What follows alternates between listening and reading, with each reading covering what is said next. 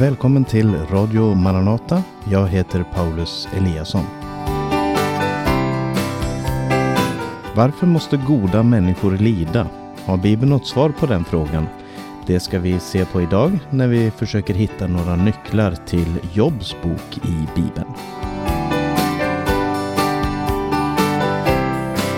Jobs bok hittar vi i Gamla Testamentet mellan Ester och Saltaren. Det är den första av de poetiska böckerna i Bibeln så som vi har Bibeln indelad.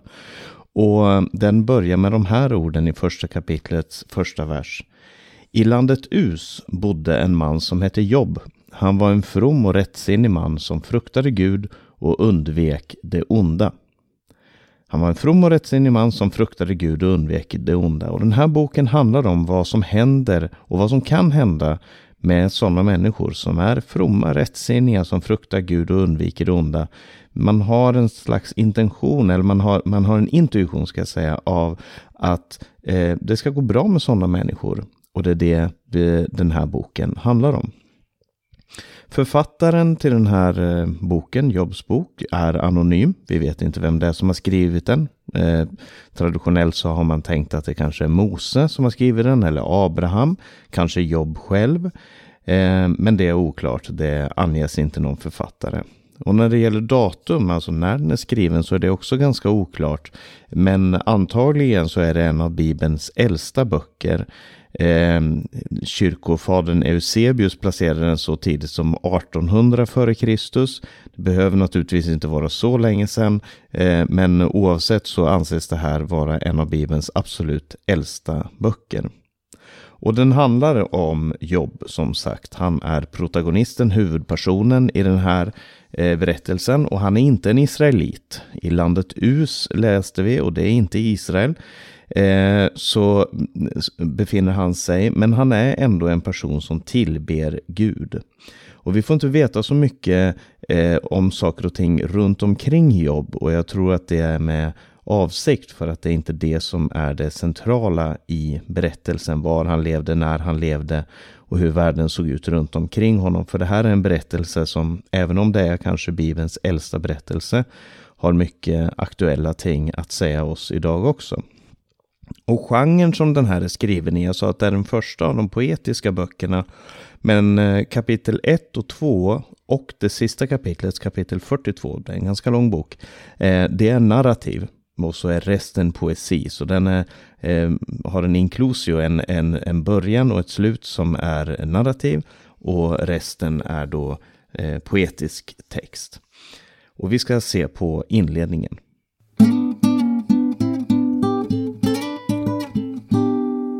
Jobs bok har alltså en tydlig prolog och epilog med en stor del i mitten. Och prologen börjar med att berätta, som vi läste, att Jobb är så perfekt som man kan tänka sig att en människa ska vara. Eh, och om man har läst till exempel Ordspråksboken så kan man se där att människor som är perfekta, de ska det gå bra för. Om en man är god så ska det ske bra saker. Eh, men någonting händer i den här berättelsen. Och en nyckel till att förstå Jobs bok är att tänka på att det här eh, berättelsen som, som står i första kapitlet eh, som utspelar sig i himmelen. Det står nämligen i vers 6 att en dag hände det att Guds söner kom och trädde fram inför Herren och åklagaren kom också fram med dem, kom också med bland dem. Och åklagaren här eh, på hebreiska heter det Shatan, eh, som vi känner som Satan. Eh, och det namnet är egentligen en titel som betyder den som anklagar. Och så är det ett möte i himlen där, där Gud pekar på Jobb och säger se vilken god och from och rättfärdig man. Medan åklagaren, han säger att ja, ja, men det är inte så märkligt. Jobb är ju god för att du välsignar honom. Du, du gör ju allt bra för honom och kanske han bara är god för att du är god mot honom. Kanske han bara gör det här för egen vinnings skull. Det är inte det att han är en god människa, utan han gör det för egen vinning. Och därför så tillåter Gud att han förlorar först allt han äger och sin familj och vid ett senare tillfälle också sin egen hälsa så han blir väldigt, väldigt sjuk. Men han dör inte. Och eh, det är det som är utgångspunkten. Och eh, Jobb vet inte om det här. Han vet ingenting om vad som händer i himlen och han får aldrig förklarat det för sig heller. Det är en viktig detalj som man inte får glömma. Det som sker i himmelen, det vet inte Jobb någonting om. Det kan vara saker och ting där som, som han inte alls är klar över och som förklarar eh, och som Gud aldrig förklarar för honom heller. Det är förklarat för den som har skrivit det här, men det är inte förklarat eh, för jobb i någon gång i hela berättelsen. Så från Jobs perspektiv så verkar det som att saker och ting helt plötsligt blir väldigt märkliga och skeva. Och han upplever ett enormt trauma. Och kanske vi kan identifiera oss med det här på många sätt. Därför att vi själva har upplevt trauman och upplevt problem i våra liv. Och därför så tror jag att jobb också har någonting att, att lära oss när vi ser oss själva i den här upplevelsen av ett trauma som vi inte förstår. Där vi upplever att här är någonting gudomligt på gång. Här är någonting som händer som, som har Gud som ursprung. Men, men varför och hur? Och, och, jobb handlar väldigt mycket om mänsklighetens djupa trauma. Det som det innebär att mänskligheten har kommit eh, bort ifrån gemenskapen med Gud och inte förstår Guds handlande. Och eh, Så det är inledningen där Jobb, som slutar med att Jobb sitter i säck och aska, han, han är sjuk, han, han har bölder över hela kroppen, han har förlorat hela sin familj förutom sin fru. Och den här frun uppmuntrar honom att eh, bara förbanna Gud och ta det straffet som det innebär. Eh, och så kommer det tre vänner till Jobb och de ska vi se på härnäst.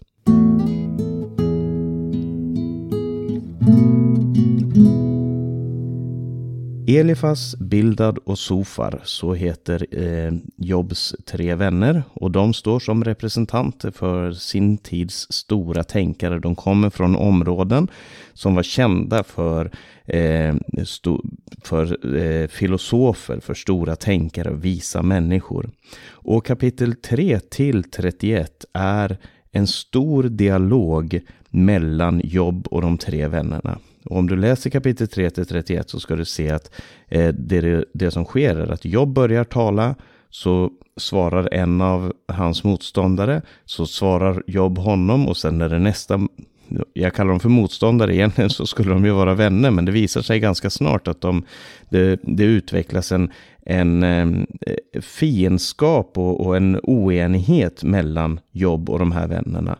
Så först talar Jobb, så en av vännerna så jobb, så den andra vännen, så jobb, så den tredje vännen. Och det här går i tre omgångar i de här kapitlen. Så det är en väldigt strukturerad berättelse, en väldigt strukturerad dialog. Och allt det här är skrivet i poetisk form. Och Jobs huvudargument i det här, eh, och han utvecklar de här tankarna, det är att han själv är rättfärdig. Så anledningen att han lider är fel det, eh, vad en anledningen är att han ska behöva lida, så är det fel anledning. Och därför så anklagar han Gud. Eh, inte så starkt, men han frågar Gud och han, han är väldigt frågande inför varför Gud har låtit det här hända honom. Inte så att han hädar Gud eller eh, menar, säger att eh, Gud har gjort fel här, men, men det verkar för honom som att det är ändå så, Gud har gjort fel.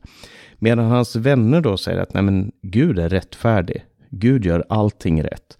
Och alla som gör rätt blir väl behandlade av Gud. De blir välsignade av Gud. Och därför så, om en person lider, så måste det vara på grund av någon synd eller något fel som de har gjort. Och kanske Jobb har syndat. Och det börjar med att de insinuerar och uppmanar honom att omvända sig och säger att gör så här och så här så kommer det säkert bli bra. Men när han protesterar så går de ännu djupare och så säger men det är väl ingen människa som är syndfri. Vad, vad är det du påstår? Du måste ju omvända dig. Och de, de eh, ta, eh, använder en logik som först verkar helt eh, ofelbar. Eh, och en bibelkommentar som jag läste till det här säger att de talar så mycket sanning att lögnen som eh, de konkluderar med verkar trovärdig. Eh, och det är problemet. Eh, och det kanske är någonting som borde undervisa oss idag också. Att ibland så kan man säga saker och ting som är sanna. Eh, men därför att man inte har rätt perspektiv på det så slutar det med en lögn. Och det är väldigt många idag också som påstår det här som Jobs vänner eh, senare, eller de som blir då motståndare påstår, nämligen att en människa som lider gör det för att de har syndat. Om du är sjuk så har du gjort något fel. Och om du bara gör det rätta så kommer det inte hända dig någonting illa. Det är inte Bibelns budskap. Men det är väldigt vanligt att människor tänker på det sättet. Och Jobb själv, han far fram och tillbaka. Ibland så litar han på Gud. Ibland så är han mer anklagande mot Gud. Det är inte egentligen ett problem att man strider med de här frågorna. Att man kastar sig in i den här kampen med Gud för att förstå saker och ting. Det, det är inte, eh, Gud anklagar inte Jobb för att han har problem med det här. Det är någonting annat som kommer fram när Gud till slut eh, möter Jobb. Och nyckeln eh, här det är att Job han förstår inte varför Gud gör saker och ting, men han tror på en lösning. I Job kapitel 19 så är de kanske mest välkända verserna i eh, Jobs tal där han säger så här. Men jag vet, och det här är från vers 25. Men jag vet att min återlösare lever, att han till sist ska träda fram över stoftet. När sedan min sargade hud är borta ska jag i mitt kött skåda Gud. Jag ska själv få skåda honom. Jag ska se honom med egna ögon, inte med någon annans. Därefter längtar jag i mitt innersta.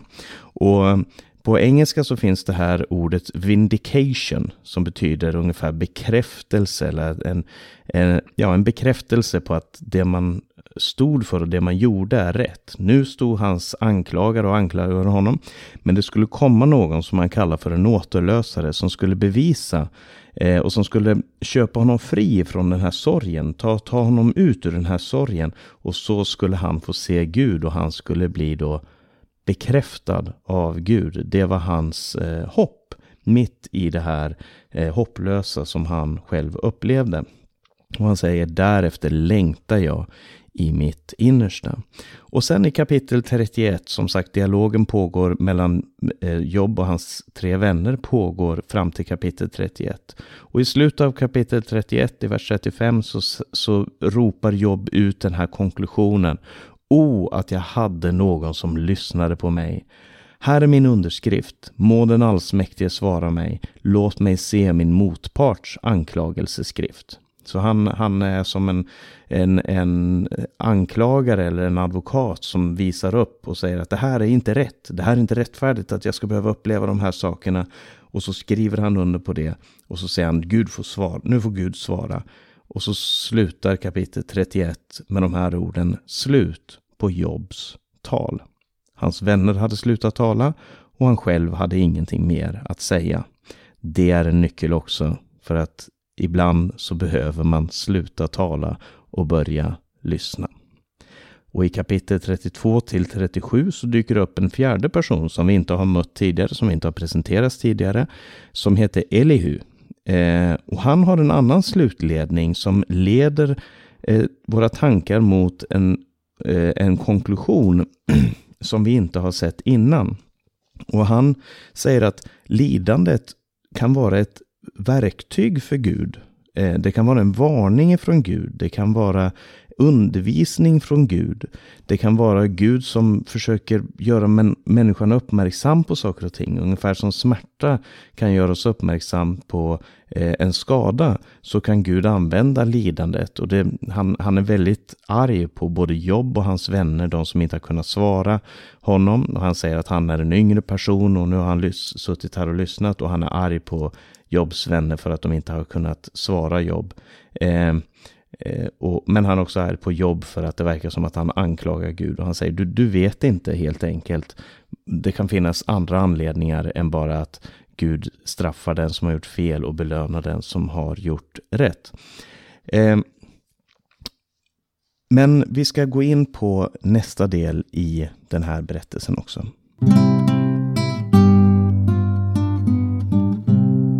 Ifrån kapitel 38 så börjar Gud tala i Jobs bok. Och mellan, han talar i 38, 39, 40 och 41. Och han eh, går till på ett sätt till svaromål. Men Gud är Gud.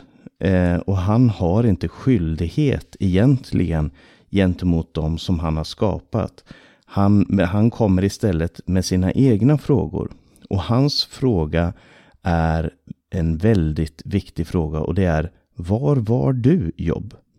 Var var du när jag skapade världen? Var var du när jag eh, spände ut himlavalvet? När jag gjorde det här och det här och det här? Och Gud eh, säger till Jobb, varför tror du att du överhuvudtaget har möjlighet att bedöma om det jag gör är rätt eller fel?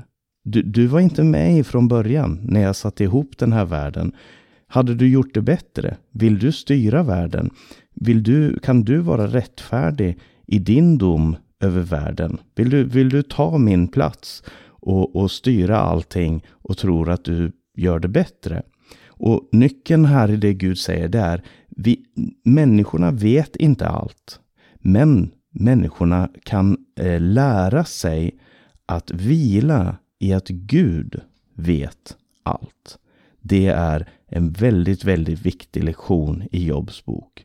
Och när Gud har slutat sitt tal och läst det här, läs Jobs bok, låt dig fascineras över det som Jobb eh, och hans vänner diskuterar. Där vi kan se att bara för att man har väldigt många och vackra ord så betyder det inte att man har rätt. Men sen lyssna på vad Elihu säger, där han går djupare in i i Guds väsen och lyssna framför allt på vad Gud säger. För det är en sån otrolig nyckel, en viktig del i vår egen förståelse av eh, vad Gud önskar och hur Gud arbetar och hur vi ska kunna lita på Gud. Och Jobb han kommer fram till den här konklusionen i kapitel 42 när Gud säger Nu får du svara. Har du något mer du vill säga när jag har sagt de här sakerna? Och då säger Jobb Förut hade jag bara hört talas om dig, men nu har jag sett dig med egna ögon. Och det är en väldigt viktig del av hela Bibelns förkunnelse, nämligen det här att inte bara känna Gud eh, eh, långt borta, att inte bara ha teoretisk kunskap om Gud, men att lära känna Gud personligen. Det var nyckeln för, för att Jobb skulle kunna vila i att Gud tog hand om saker och ting även när han själv hade det svårt. Sen kommer en annan viktig del i Jobs bok i avslutningen där och det handlar om hans vänner och vad de hade gjort. För Gud säger, dina vänner, de har talat lögn om mig. De har ljugit om mig och de, det är ett stort problem. Det, eh, och därför så säger Gud att de här vännerna, de måste gå till jobb och be honom om att offra för dem. För att Gud kommer att höra på Jobs offer, men han kommer inte att höra på deras offer. Eh, så de här vännerna, och lägg märke till, ännu har inte Jobb blivit frisk. Han har inte fått tillbaka någonting. Han, han, han är fortfarande sjuk, han är fortfarande under det här eh, i den här hopplösa situationen som han var i innan. Gud har förklarat för honom varför, nej, Gud har inte förklarat för honom varför det här hände. Men han har sagt till honom, du måste bara lita på mig, att jag vet varför.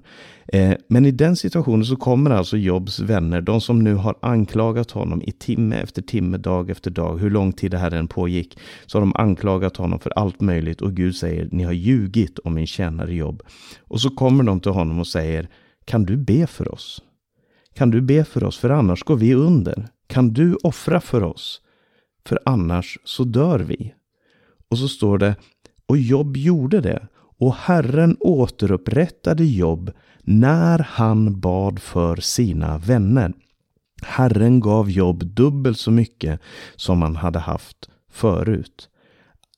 Här är en väldigt viktig nyckel. Jobb räddar sina vänner mitt i sitt lidande lyssna på det där igen. Medan han lider så blir han frälsning för sina vänner. Det är en väldigt viktig tematik som kommer tillbaka gång på gång på gång i hela Bibeln och som leder oss fram emot Jesus själv. Han är den lidande som går i förbön för dem som orsakar hans lidande, som skrattar åt hans lidande, som hånar honom i hans lidande, som menar att han själv är orsaken till sitt lidande. Det är en så väldig parallell till det som står om Herrens tjänare i eh, eh till exempel i Jesaja 53 där det står att vi höll honom för att vara plågad av Gud. Vi, eh, han var föraktad, övergiven av människor, står det i Jesaja 53 om Herrens tjänare. Eh, vi såg på honom som hemsökt, slagen av Gud och pinad.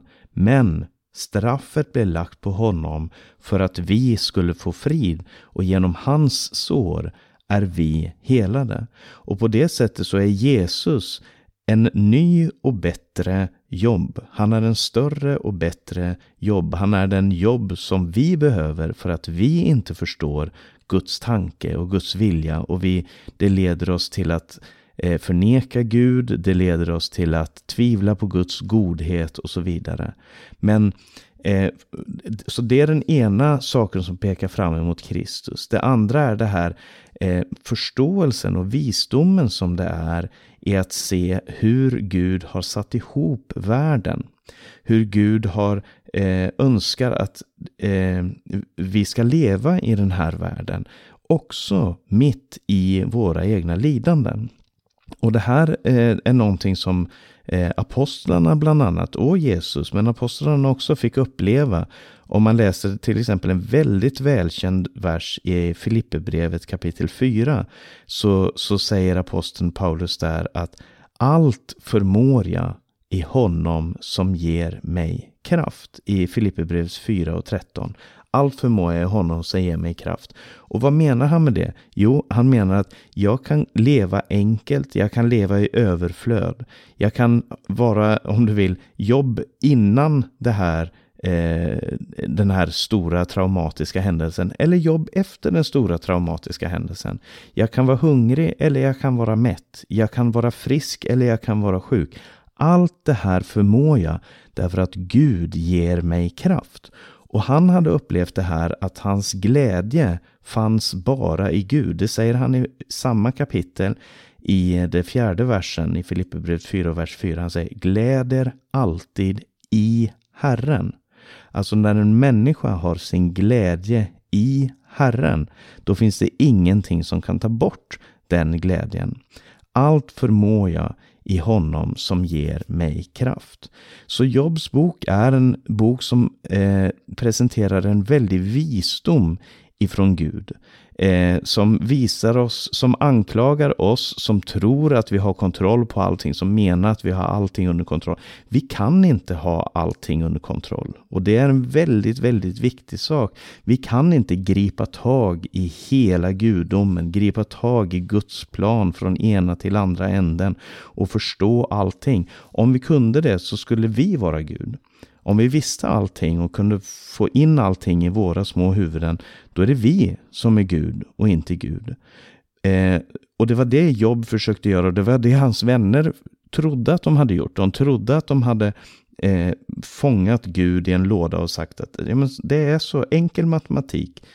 Om man gör det goda så händer det goda därför att Gud är god. Och om man gör det onda så händer det onda därför att Gud är rättfärdig. Så enkelt är det. Och så har man placerat Gud i den här boxen. Och Job säger, ja, men min erfarenhet är att det inte är fallet. Och du kan nog säga att i din egen erfarenhet så, så är inte det alltid fallet heller. Det är inte så att det är de värsta människorna på jorden som lider mest. Eller de godaste människorna på jorden som är de rikaste. Det är inte så världen fungerar. Och antingen så betyder det att Gud inte är rättfärdig eller att Gud inte finns. Eller att vi har glömt en del av ekvationen. Och det var det Elihu försökte sätta fokus på. Du har glömt de här andra sakerna som lidande kan ha som funktion. Och det var det också som Gud satte fokus på där han sa, men du vet helt enkelt inte. Och varför förklarar inte Gud hela eh, orsaken och varför förklarar inte Gud sig? Därför att det är inte poängen i det här. Om Gud skulle förklara allting så skulle vi kunna komma med nya frågor. Ja, men varför var det tvunget att hända? Ja, men Gud, okej, okay, så förklarar Gud allt det där. Ja, men varför skulle det vara så? Varför skulle det vara så? Varför skulle det vara så? vi kommer inte fram till vägs ände där. Vi måste vila i det här att Gud är god. Att vi har fått smaka. Vi har inte gripit tag i allting. Men salmisten säger smaka och se att Gud är god. Saliga är de som tar sin tillflykt till honom. Och det fick Jobb uppleva och det kan vi också få uppleva när vi kommer till Jesus. När vi får säga till honom, innan så hade jag hört ryktet om dig. Precis som Job sa, jag hade hört ryktet om dig, men nu har jag fått se dig med mina egna ögon. Och du kan få se Jesus som han presenteras i skriften, så som han presenteras för våra hjärtan genom den heliga Ande. Och du kan få uppleva att allt förmår du i honom som ger dig kraft. Det är vad Jobs bok handlar om. Och vi ska lyssna till en sång och sen ska vi få några av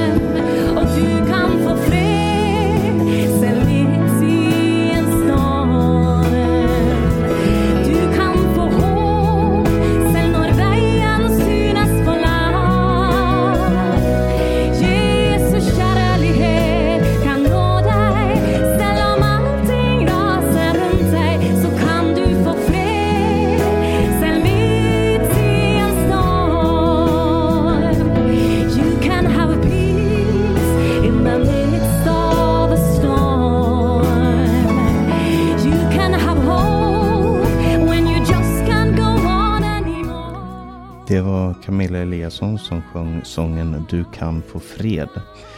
Du har lyssnat till ett program ifrån Radio Maranata Stockholm med mig Paulus Eliasson.